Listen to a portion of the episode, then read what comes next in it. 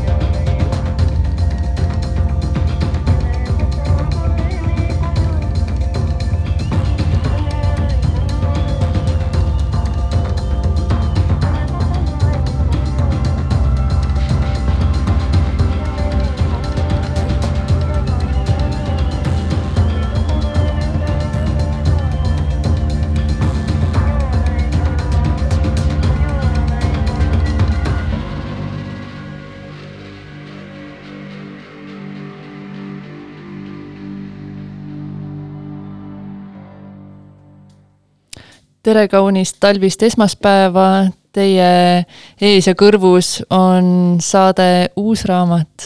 tere, tere!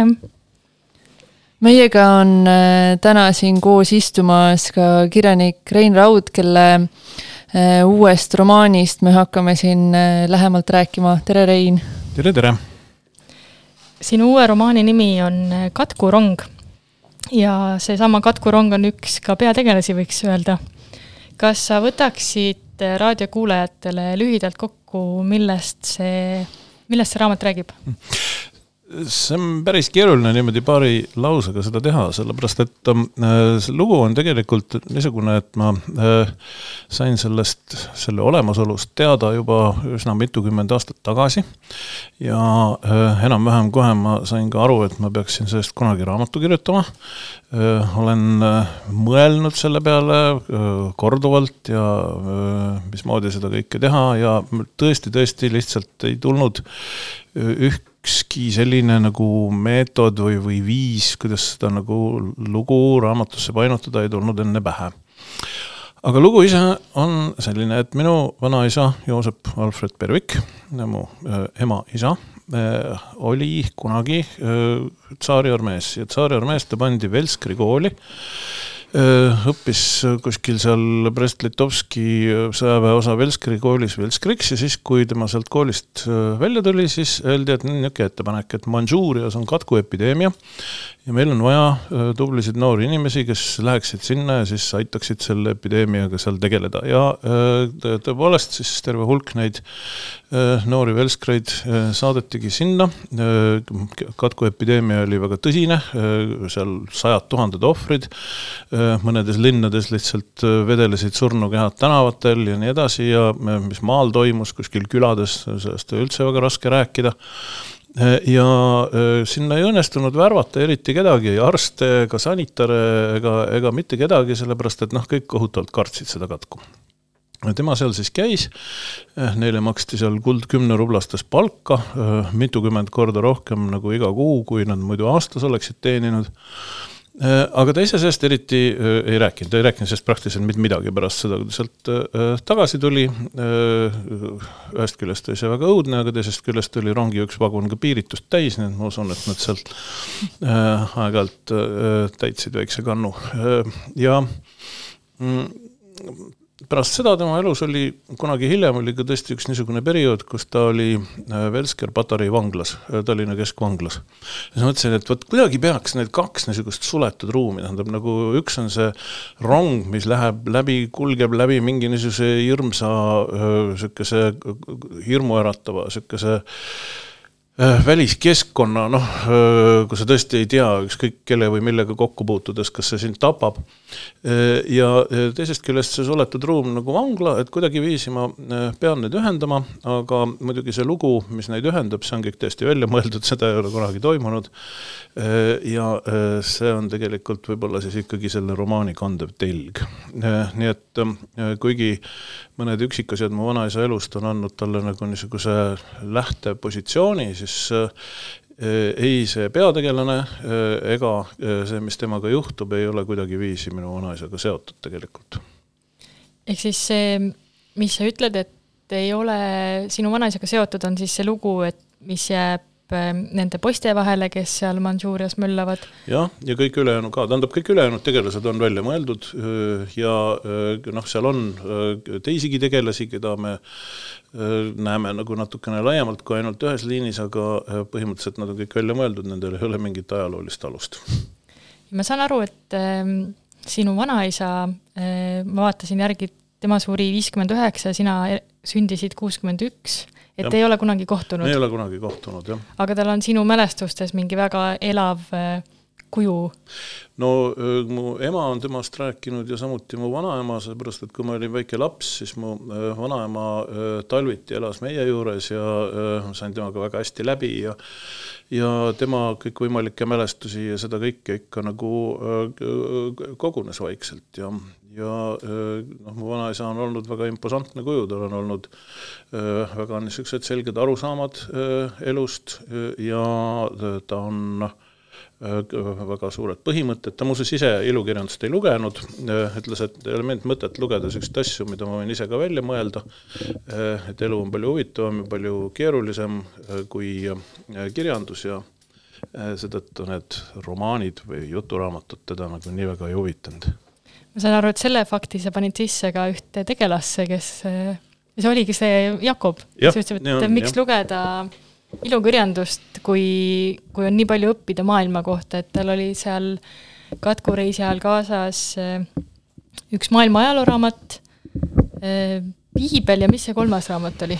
matemaatika ülesanded. matemaatika ülesanded, mida siis vahepeal lahendada, sest et ta leidis, et elu on geomeetriliselt lihtne või selge. Või peaks olema jah, aga tähendab, see on üks niisugune asi, eh, mida tegelikult ju väga paljud inimesed on arvanud, et, eh, et selle elu niisuguse tohutu eh, paljususe, keerulisuse ja mitmetahulisuse all on olemas mingisugused niisugused sirged, selged jooned ja noh, eks ka tegelikult loodusteaduslik teadmine ju mingisugusel määral nagu äh, läbi ajaloo on üritanud sellist asja leida, et see on alles väga-väga uuema aja loodusteadus on hakanud äh, rääkima määramatusest ja sellest, et äh, võivad olla sama asja kohta ka kaks seletust ühteviisi õiged ja nii edasi. ma tuleks korra veel sinu perekonna juurde, et ma saan aru, et see lugu on su peas kerinud juba mõnda aega ja nüüd viimaste aastate impulss oli Aino Perviku miniatuurid Mälupõhjast. täpselt nii, jah, seal on tegelikult, seal on ikka päriselt mu vanaisast juttu, tähendab mitte ilukirjanduslikust tegelasest. jah, seda raamatut lugedes mul, kuna ma olen eh, ka Aino Perviku raamatut lugenud, siis mul jooksid need liinid peas kokku ja sa ütlesid ka järelsõnas, et, et see tõesti nagu on üheks impulsiks olnud. aga ma tahtsin küsida, et eh, kas sinu ema on Katku rongi lugenud? on muidugi, loomulikult. Ja mis ta ütles? Äh, see on, äh, see on selles mõttes huvitav selle äh, nagu romaani lugu, et ma olen näinud temaga päris palju vaeva, tähendab, kui väga sageli on nii, et kui tuleb mingisugune mõte, siis või mingid niisugused sõlmed, sa juba tead, kuidas neid lahendada ja siis see ülejäänud on rohkem nagu niisugune tehniline, et tuleb leida õige vorm või ja nii edasi, siin nagu päris, päris nii ei olnud ja, ja esimene versioon sellest romaanist, mis ma kirjutasin, oli selline, et ma ise ei olnud nagu päris, äh, ei teadnud, kuidas ja, ja äh, kas peaks äh, sedasi minema, me arutasime seda mu emaga ka ja, ja temaga arvas, et võiks ikka veel proovida. ja eks ma proovisingi ja, ja noh, mul on üldiselt, kui ma noorem olin, siis ma olin hästi iseteadlik ja ei tahtnud, et keegi ühtegi koma või suurtähte mu tekstis muudaks aga mida edasi, seda rohkem ma olen hakanud nagu oma äh, lähe, lähilugejaid usaldama ja hea meelega tahan alati, et noh, meil perekonnas kõik inimesed on väga erinevad tahan alati nende arvamusi teada ja mõtlen, et kui väga erinevad inimesed on näiteks mingisuguses asjas ühel nõul, siis tõenäoliselt on neil õigus. Aga vahel juhtub ka nii, et üks ütleb, et mine sinnapoole, teine ütleb ei, ei, vastupidi, just sinna ei tohi minna, tähendab ja siis kuidagiviisi nagu aga noh, selle niisuguse pingevälja sees äh, oskad paremini aru saada, kus sa ise oled. no kuidas ja kus sa kogusid äh, neid ajaloolisi fakte ja teadmisi, et seda tausta ja äh, nii-öelda seda kere sinna ümber luua? No see on praegusel ajal tunduvalt lihtsam, kui see oli mõnikümmend aastat tagasi, sellepärast et ühest küljest on olemas internet ja mul on tõesti, tõesti, mul on arvutis terve suur kaust, kus on äh, isegi mingisugused fotod sellest, missugused äh, kingad olid äh, Liisa nimelisel tütarlapsel jalas, siis kui ta esimest korda kohtus Jaakobiga ja erinevate raudteejaamade pilte ja, ja kuidas näevad välja šamaanid, kes elasid selles piirkonnas Mandžuurias Äh, kus äh, Jakob ja tema äh, kaaslased ringi liikusid. ja selles mõttes on märksa lihtsam nagu noh, olla täpne ajalooliselt ja geograafiliselt. on ka nagu selle aja inimeste mälestusi ja siis muidugi üks raamat, ilma milleta ei oleks seda olnud võimalik kirjutada, on üks suur katku ajalugu kaks ajaloolast, kelle äh, abielupaar Supotnitskid on seal kunagi kirjutanud ja neil on seal sees isegi äh, ära toodud täpselt igasuguseid dokumente, tähendab, nad on, äh, no see on tegelikult mitte rohkem nagu lugemise raamat, vaid nagu niisugune materjalide kogu, kus neil on mingid ma ei tea, mis Irkutski kohalike võimude mingisuguseid koosolekuprotokolle ja siis on mälestusi, mida see kampaania juhtiv arst seal on kirja kirja pannud ja, ja väga-väga detailselt ja siis on seal ka joonised sellest, mismoodi mingisugused asjad välja nägid ja sealt ma näiteks tean, tean täpselt, et nendele katku likvideerijatele anti kummikindad, kuigi Tsaari-Venemaal sel ajal arstid kummikindaid ei kasutanud veel ja nii edasi, et see niisugune välismaine leiutis ja nii edasi. ühesõnaga nendele detailidele pääseb ligi. et tegelikult mul vist küsimus oli minu enda peas rohkem ka see, et, et kui palju mm, nõuab tööd ajaloolise romaani kirjutamine just, et, et see eel töö sellele, et selle info kogumine ja et ja kui hulluks üldse minna nende detailidega no see on natukene autori enda asi yeah. või niisugune natuke maitse asi ka, sellepärast et ma näiteks praegu loen ise ühte ühe Ameerika äh, kirjaniku äh, teost, mis toimub Roomas ja Helsingis ja nagu Rooma kohta ta veel nagu midagi teab, aga ma olen peaaegu kindel, et ta Helsingis pole kunagi käinud. aga äh, järelsõnas sa ütled ka, et oled sisse jätnud mõningased ajaloolised ebatäpsused, et kui äh, kergesti või raskesti sellised otsused tulevad ja, ja mis need täpselt on, mis siis, mis seal on? see ei ole midagi sellist, mis nagu otseselt äh, mõjutaks nagu süžee kulgu aga äh, näiteks äh, seal on mainitud, mis on jällegi üks niisugune ajalooline fakt, mis mu vanaisaga ka juhtus, et siis kui Rootsi kroonprints käis Eestis, siis ta peatus korra Rakveres, kus mu vanaisa toona elas ja siis jõi kohvi, siis Rakvere linnavalitsuse liikmed olid toodud nagu siis sinna seisma niimoodi rivisse. ja tema oli sel ajal Rakvere linnavalitsuse kõige noorem liige, pääses ka sinna see on, surus Rootsi kroonprintsi kätt. mis oli lihtsalt niisugune ilus detail, millest ma kuidagi ei tahtnud loobuda, aga ajaliselt ei tule välja, sellepärast et äh, Rootsi kroonprints tegelikult käis Eestis tuhat üheksasada kolmkümmend kaks, kui oli Tartu Ülikooli juubel. Äh, ja äh, see nagu hästi ei mängi hästi ei mängi välja selle.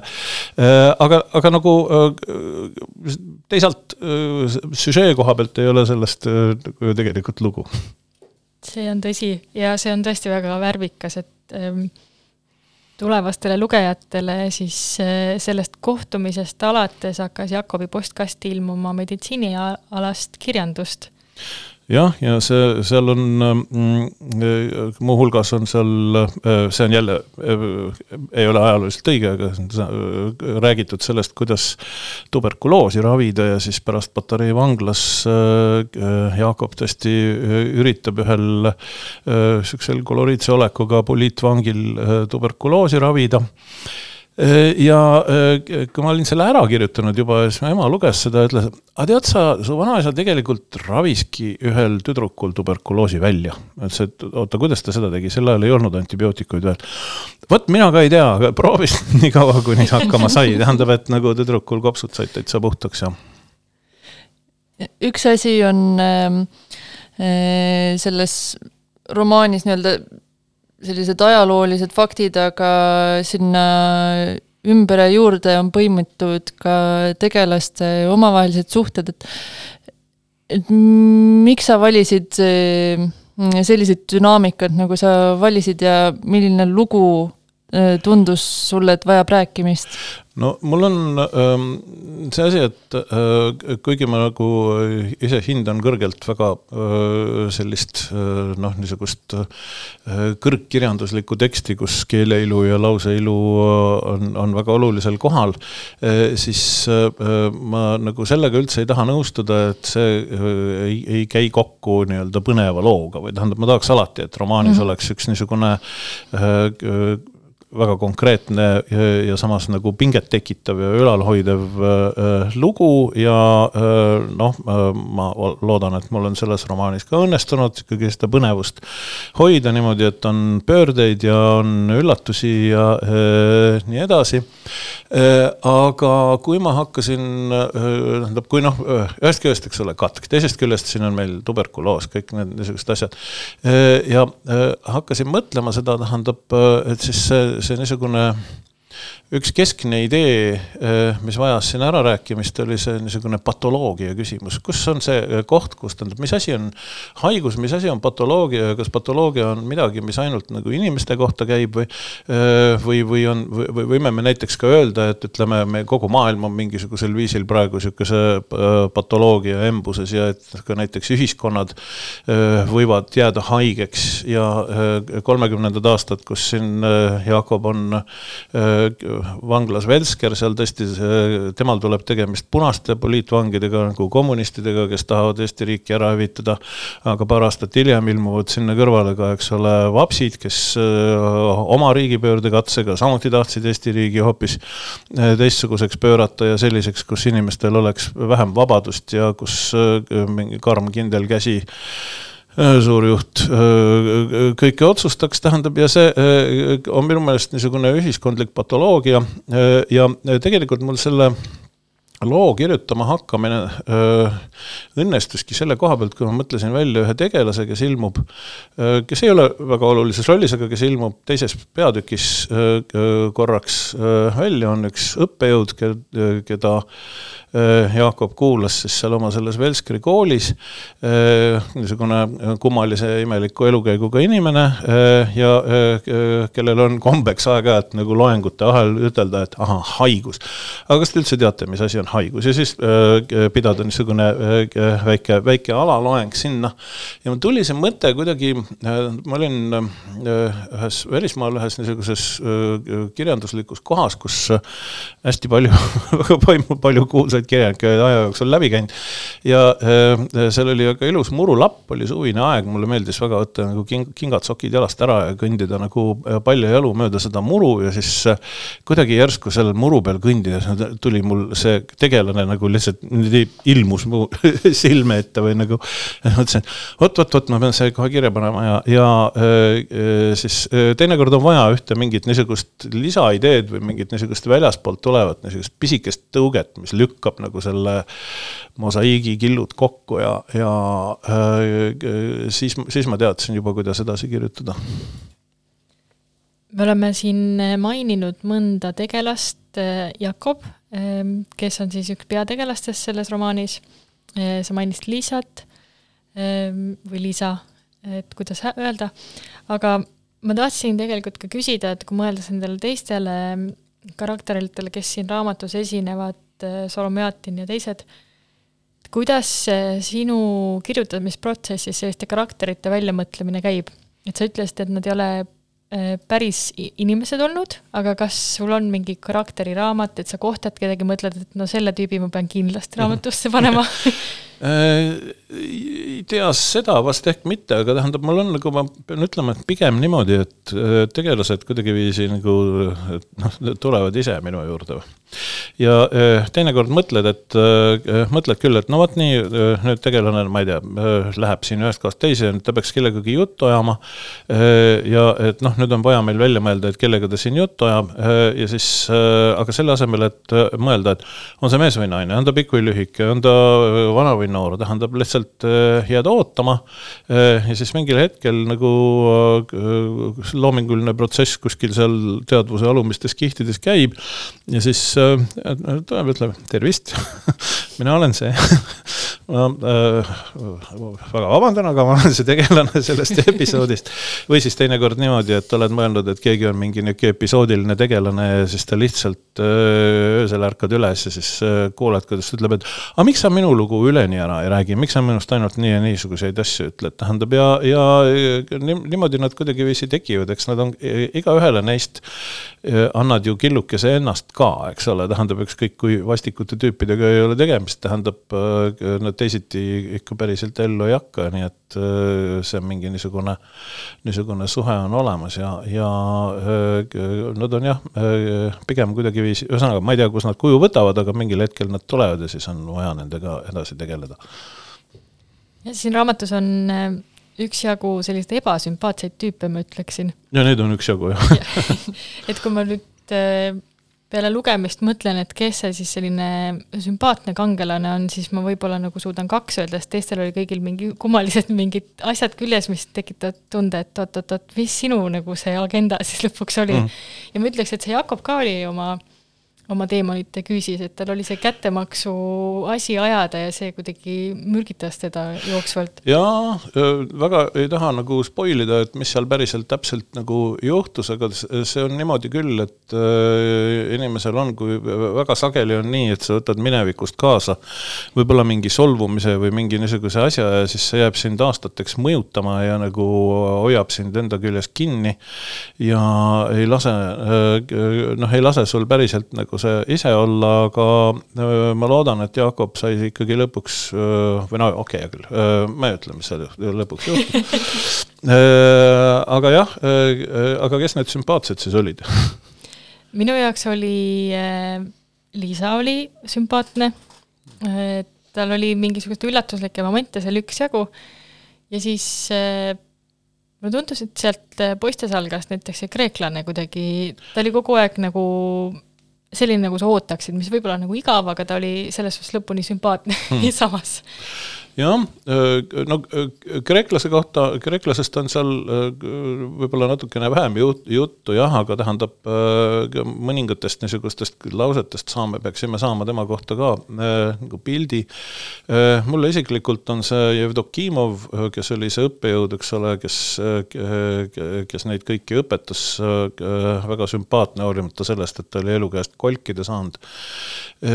ja jah, eks ta umbes nii on, aga tähendab äh, see, et keegi on oma teemonite küüsis, me ei peaks tema, teda sellepärast noh, nagu ebasümpaatseks pidama, ma arvan, et see äh, sümpaatia, ebasümpaatia ja teisalt ähm, näiteks äh, seal on see tegelane nimega Solomjatin, eks ole, kellel on, kelle nägu on justkui koosneb kahest poolest, millest üks on justkui naeratav ja teine on justkui hästi vihane, tähendab. Äh, ja noh, äh, võimalik, et ta ei tekita meis sümpaatiat, aga äh, ta peaks vähemasti meid intrigeerima.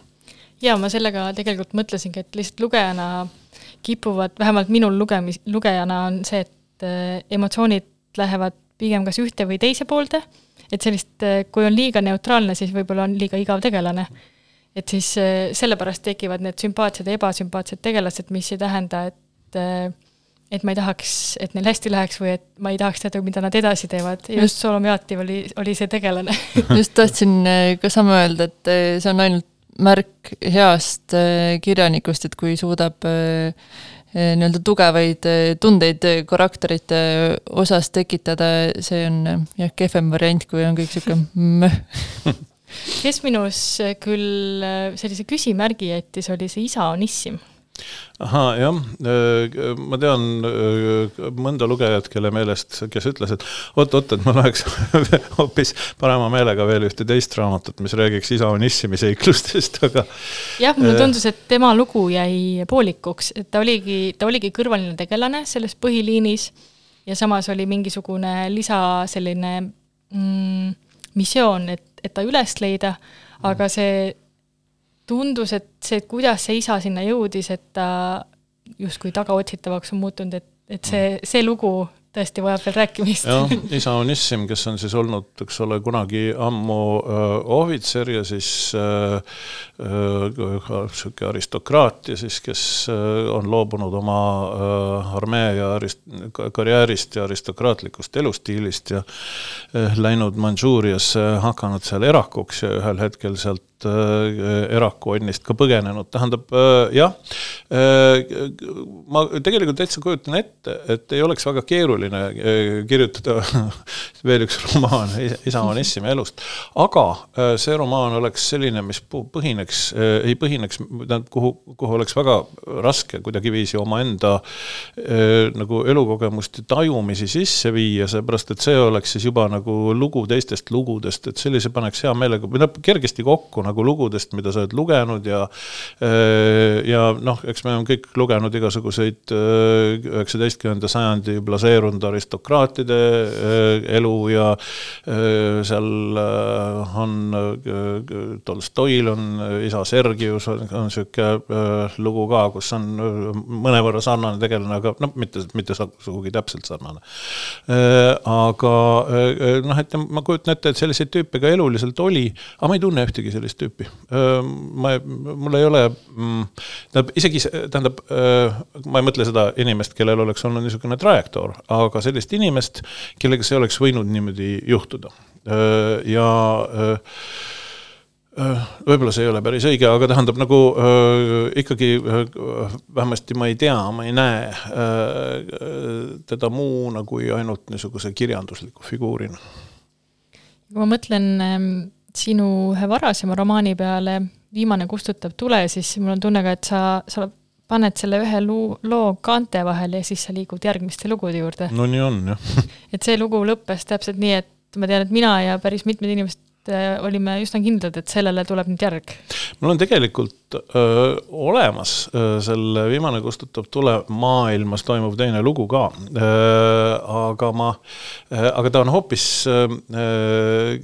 teistsugune või nagu selles mõttes öö, oleks lugejale ikkagi ootamatuseks ikkagi teistsugune raamat. sest et ma nii palju võin ütelda, ma ei tea, kas ma seda kunagi kirjutan, aga selle mina jutustaja on tegelane nimega Kanarbik, kes käib Viimane kustutab tulest läbi ja kes selle lugemise ajal peaks lugejas pigem pigem nagu hirmu ja õudust tekitama. ootame huviga, kui, kui see sinna jõuab ja kui, kui see lugu tahab rääkimist. aga me palusime sul ette valmistada ka ühe lugemissoovituse jaa, ma mõtlesin tükk aega, et mida ma võiksin äh, soovitada, tähendab ühte asja ma võin kohe kindlasti öelda, et ma äh, küll ei oska neid raamatuid veel soovitada, sest ma ei ole neid veel lugenud, aga kui ma siit praegu ära lähen, siis ma kavatsen minna raamatupoodi ja osta äh, uue Birk Rohelennu romaani ja uue Meelis Friedentali raamatu, seepärast et ma nägin, et need on tulnud välja ja nende vastu mul on väga suur huvi. aga mida ma võin soovitada, on ehk Saulius Toomas Kondrotase Päikeseloojangute kollektsionäär Leedu kirjanik, äh, kes on äh, väga olulisel viisil muutnud Leedu kirjandust, ise kunagi ütles, et noh, enne kõik kirjutasid niisugusest mingisugust külaelust ja nagu, ja kui need külainimesed siis tulid linna, siis need olid linnainimesed ja ikka samasugused niisugused külapsühholoogia seal sees. aga tema on niisuguse täiesti uskumatu fantaasiaga autor, isegi kui tal võib toimuda mõni tema lugudest ka tõesti mingi mingisuguses küla öö, olustikus, siis see küla on müütiline, see küla on öö, uskumatult veider. Ja öö, mis ma Kondrotase puhul esile tooksin, on see, et Äh, kui, kui väga sageli me oleme juba harjunud, tähendab, ka fantaasia on muutunud ennustatavaks, tähendab, kui meil on mingi niisugune fantaasiapõhine raamat, äh, siis me kohe näeme, ahah, okei okay,, nüüd varsti tuleb see, no ja siis tulebki, eks ole, tähendab, aga Kondratase puhul üldse nii ei ole, tähendab, Kondratase fantaasia äh, viskab niisuguseid kukerpalle, et sa noh, sa võid küll oodata ja pakkuda mitut varianti välja endale mõttes, et mis siit edasi võiks saada, aga äh, enamasti juhtub midagi hoopis-hoopis muud kui see, mis sa arvasid aitäh sulle soovituste eest ja vestluse eest meiega. nüüd läheme väikesele muusikapausile ja oleme varsti tagasi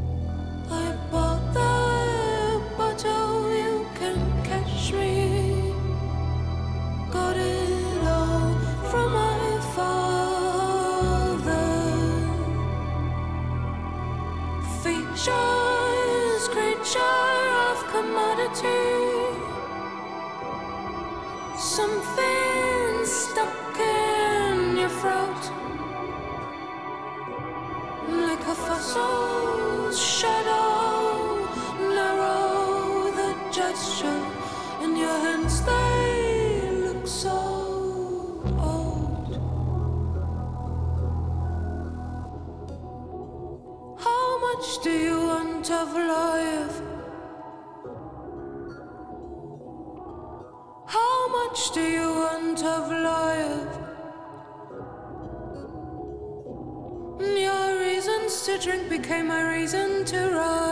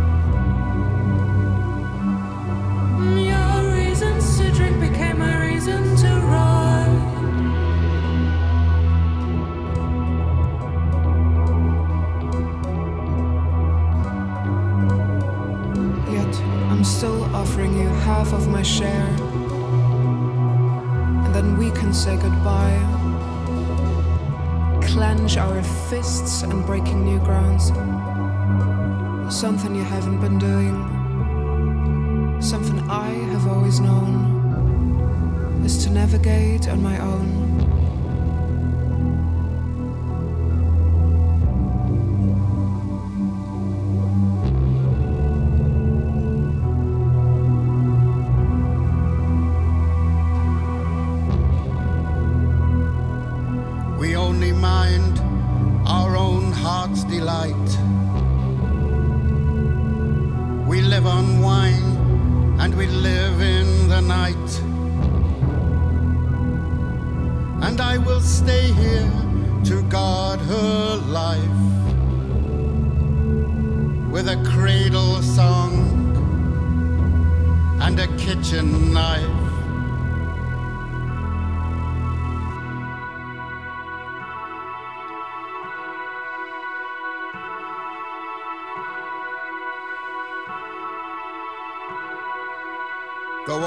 With me, my golden child. I'll take you to that garden wild. That garden wild where you must lie. Lie your body down to die. Flesh of my flesh, blood of my blood. Lose your mind in the deepest wood. It's hard to give your life away. Your life away, but on that day,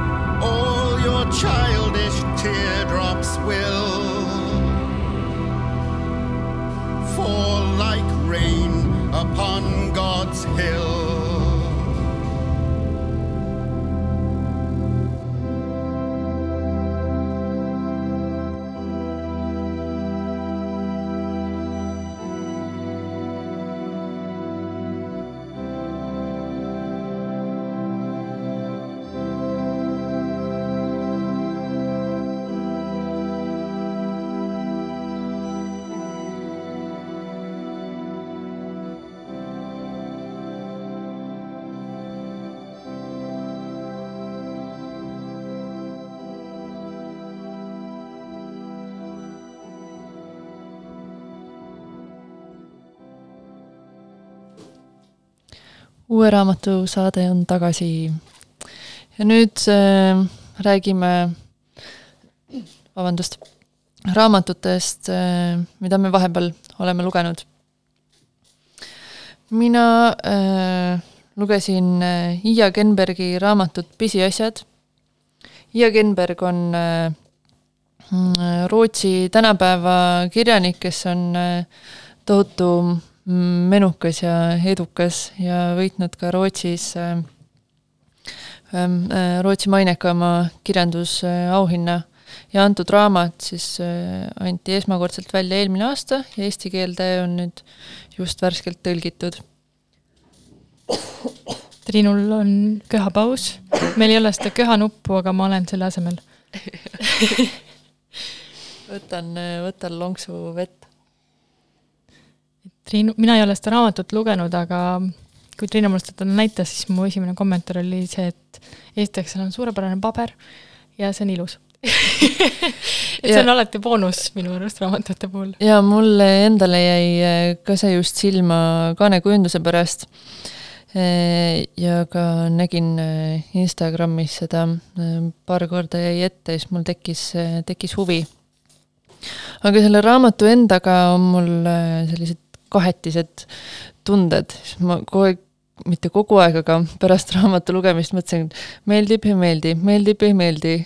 ja siis ma lõpuni ei saanud aru, tekitas minust veidi segadust, äh, mitte selles mõttes, et ma ei oleks sisust aru saanud või tegelastest aru saanud, aga lihtsalt ma ei, ma ei saanud aru, mida see minuga tegi. Aga Äh, siis mina jutustaja äh, jutustab neljast erinevast tegelast, kes on äh, tema elus olulisel kohal, kes on teda kõige rohkem mõjutanud. ja see on väga huvitav, kuidas läbi teiste inimeste kirjeldamise sa kirjeldad ka iseennast tegelikult. ja mm, see pealkiri siis sobib ideaalselt selle, sellele raamatule Pisiasjad.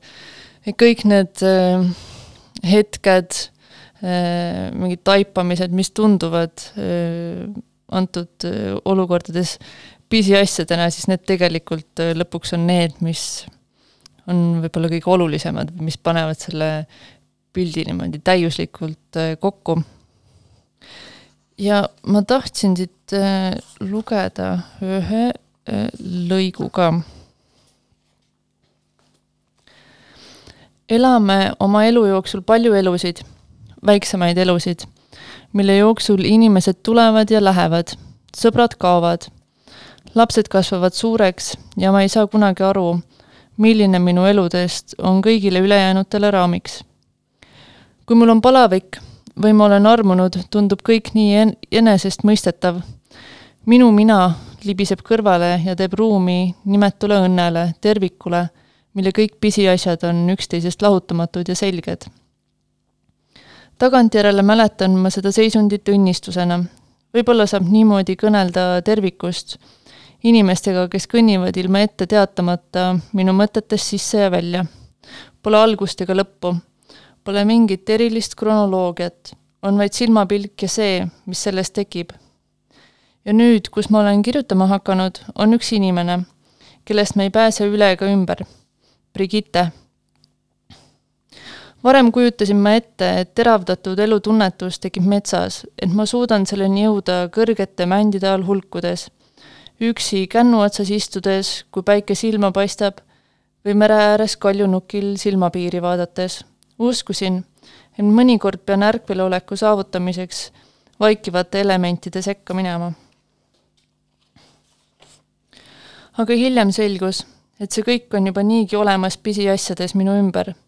tuleb vaid teraselt vaadata, siis võin ma end vabaks lasta ja oma tähelepanu tõeliselt endast väljapoole suunata. seal kellelegi teisele suunatud ärksas pilgus on teravdatud elutunnetus.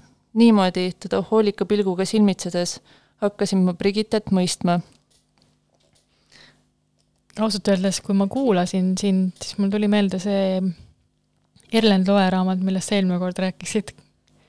et kuidagi see inimene linnast läheb loodusesse ära ja leiab seal iseennast aga see on täiesti risti vastupidine raamat tegelikult sellele, mis, millest me eelmine kord ähm, äh, rääkisin äh,, jah, see oli kor-, võib-olla tõesti see üks selline väikene lõik või siit äh, tundus sarnane, aga tegelikult äh, see räägib noore, noore naise äh, elust siis Rootsis äh, milleeniumi äh, tulekul, et siis sellele eelneval ajal ja siis natukene ka pärast seda, et kui tuhat üheksasada üheksakümmend üheksa sai kaks tuhat ja kui palju rõhku sellele pandi, kui palju ootusi oli, mis kõik juhtuma hakkab, siis ma mäletan ise ka, kui ma väike olin siis üheksa-aastane, et kui see toimus, siis olid ka need äh, kaks tuhat prillid olid ja kõik tahtsid seda maailma parimat ilutulestikku näha. et see, siin osades seikades on see Eh, see milleeniumi peo ootusärevus nii kuidagi hästi tabatud. ja tegelikult on nagu iga teine aastavahetus. jah, täpselt sama mis, ei ole küll selle raamatuga seotud, aga lihtsalt aastavahetustes siis ma ise, võib-olla need kõnetavad mind sellepärast, et ma ise tundsin samamoodi, et mulle tundub, et need kaks tuhat kakskümmend kolm meemid, et, et kui sa arvad, et ei saa hullemaks minna ja läheb aina hullemaks, on see aasta kuidagi väga tabavad. Et see, et vahetub aasta, sul on nii suured ootused, nii, nüüd läheb. Ja siis läheb küll, aga mitte nii, nagu sa arvasid aga raamatu juurde tagasi tulles veel, et see on jaotatudki äh, neljaks äh, peatükiks, kus siis iga peatükk äh, keskendub ühele inimesele. Ja minu meelest selles raamatus oli ka nagu siis, rääkisime Reinu raamatus, et see karakterite kirjeldamine, et et see päriselt toimiks, et seda peab oskama väga hästi teha ja siis mul kohe tulid nii hästi silme ette, kes need on ja tõmbasin ka paralleele enda elus tuttavate inimestega, et kes sellesse rolli täpselt asetuks või noh, mõned mm, on kuidagi nii üldinimlikud, mingi korra mingid iseloomujooned, eh, noh, mis ei ole kõigil, ei, mis ei avaldu kõigil. Mm, see oligi ja suuresti oligi karakteri kirjeldus minu meelest, see raamat. ja siis ma võib-olla ise ootasingi, et, et, et äkki võiks nagu toimuda rohkem võib-olla. aga see oli nii-öelda inimeste äh, kirjeldamise peale üles ehitatud võib-olla. kas, äh, kui sul tekivad sellised hetked, et sul inimesed hakkavad võtma kuidagi nagu tuttavate inimeste jooni või, või need jooned hakkavad kokku minema nende inimestega, kes tunned, kas sa lugedes kujutad seda nägu ette? Äh, jaa, tuleb, tulevad küll nende tuttavate näod tahavad äh, tulla esimesena, et see kuidagi pilt hakkab lugedes niimoodi aina selgemaks minema, et kes see on ja kes see on ja siis saad aru, see on see ju see on seesamune tuttav mm,. ja mul on, keeruline on rääkida natukene raamatust, mis ei ole selline oh jess, lemmik et kui on sellised kahetised tunded jäävad sisse, siis ma tahaks, et inimesed loeks seda, võib-olla, aga, sest ma tean, et paljudele see kindlasti meeldiks. aga ma ise olen niisugune natukene ebalev selle juures mm. -hmm. et see on nagu raamatu soovitus, küsimärk täpselt selles suhtes on küll, ma arvan, et äh, ma olen seda õppinud võib-olla koolis, nagu kui ma pean lugema mingit asja ja midagi arvama sellest, kuigi ma võib-olla vihkan seda teksti, mida ma just lugesin. või kuidagi see, või jättis see mind külmaks, siis sa pead otsima mingeid elemente ja mul tuleb meelde, kuidas me sinuga rääkisime Annie no kohast mm -hmm. ja enne seda ähm, idaprodutsent Patrick küsis, et noh, et ei olnud väga hea raamat jah, sest et ma olin Goodreadsist sellele pannud vist kolm tärni ja kui me rääkisime sellest, siis me mõlemad nagu mingi jumala lahe raamat, kõik peaksid lugema, siis ta oli täiesti segaduses. aga see võib-olla ongi see rääkimise käigus sa saad aru, et seal on mingid elemendid, mida sa enne ei pannud tähele ja kahekesti põrgatades hakkavad need elama mingit uut elu mm. -hmm. ja samas ma ei ole selle raamatu peale rohkem mõelnud. jah võib-olla see mm, just raamatutest rääkimine on oluline, et kui tihti me loeme selle üksi ära, üksi mõtleme sellele, võib-olla mõnele inimesele mainid, et loe või ära loe, aga selline natukene sügavam analüüs kuluks äh, ära, mis on siis nii-öelda raamatuklubide äh, hea äh, point ja hea nii-öelda teema, millest rääkida, kõik on ühte raamatut lugenud ja, ja saavad üksteisele küsimusi esitada ja arutada. aga kui palju sa tunned, et kui me tegime raamatupoodi ja siis tihti tuli soovitada raamatuid või kuidagi mingist raamatust rääkida, siis kui palju rohkem sa mõtlesid läbi seda, et kui sul miski nagu oli noh, selline okei okay., aga keegi palus, et sa räägiksid sellest, siis kas, kas see tuli kergemini, sest et sa olid nagu juba mõelnud sellele, et, et see potentsiaalselt tuleb? Äh, ma vist üritasin äh, nendel hetkedel läheneda asjale natuke neutraalsemalt pinnalt et vaadata, kes äh, seisab minu vastas, kes küsib soovitust, äh, kes tahab teada ja et siis võib-olla rääkisin pigem, mis on need põhilised teemad või millele keskendutakse, et ma ei pannud sinna nii palju enda arvamust sisse mm. -hmm need raamatud, mis mulle väga meeldisid, nende kohta ma julgelt ütlesin, et eh, see on täiega hea, seda soovitan, eh, aga need, mis võib-olla või noh, kuidagi tekib ka see tunnetus, et lõpuks saad aru, mis tüüpi raamatud millistele inimestele meeldivad. ja see on täiesti okei okay,, et kõigile ei meeldi täpselt samad asjad. aus. meil tuleb, tuleb meelde ka, et Puändi raamatuklubis oli Bolaño Liuväli mis mulle tohutult meeldis. kõik karakterid on lõpuni ebasümpaatsed ja kõigil läheb halvasti, aga aga kuidagi see, see muserdatus oli, seal oli mingi paar elementi, mis, mida ma ei uskunud, aga üldiselt see raamat kuidagi toimis mu jaoks. ja siis, kui me raamatuklubis kokku saime, siis ütlesid kõik, kuidas see oli kohutav raamat ja, ja kuulad ja mõtled, äkki oligi nii halb ja siis saab klubi läbi ja mõtled, ei, mulle tegelikult ikka meeldis aga lihtsalt see mingisugune erinevad küljed avanevad ja muidu ma võib-olla isegi ei oskaks nagu öelda, mis see täpselt mis oli, mis mulle meeldis, ja võib-olla mis tõesti ei toiminud, nagu näiteks see liuvälja element, mis oli läbi, nagu see on pealkiri. aga, aga see minu jaoks ei toiminud selles raamatus ainsana. et kuidagi see koos arutamine on, on täielik äh, luksus. ja meie järgmine raamatuklubi? jah, meie järgmine raamatuklubi on kahekümne teisel jaanuaril me ei hakka tegema nägu, et me detsembris üldse midagi jõuame, sest see on alati minu arust nii kummaline kuu, mis lihtsalt jookseb silme eest läbi. kahekümne teisel jaanuaril ja me loeme Bernardine Evaristo raamatut eh, Tüdruk, naine, ei, tüdruk, naine, tüdruk. mul on ka nüüd sassi, mina, ei tüdruk, mina, naine ma kohe ütlen, eh, tüdruk, naine, keegi teine, ma tahaks öelda niipidi mm. -hmm. lihtsalt jäi praegu nii kui ma hakkasin kõva häälega ütlema, et kumb enne oli, kas naine või tüdruk. Ühesõnaga tüdruk, naine, keegi teine on see eestikeelne pealkiri. Või siis, kui inglise keeles tahta lugeda, siis girl, woman uh,, other. Uh,. ja ma olen seda raamatut ise lugenud inglise keeles, kui ta välja tuli ja nüüd ma olen väga põnevil, et lugeda ka seda eestikeelset tõlget, mis, kui ma nüüd ei eksi, tuli välja kaks aastat tagasi või aasta tagasi, aga ma pigem arvan, et kaks aastat tagasi. Ja selle on Heili Sepp eesti keelde tõlkinud. Äh, raamatuklubi kohta saab järjest jooksvat infot äh, Puändi sotsiaalmeediast, aga me koguneme siis aadressil Müürivahe kolmkümmend ja siis, et sisse saada, peab mulle helistama ja selle numbri leiab ka sealt.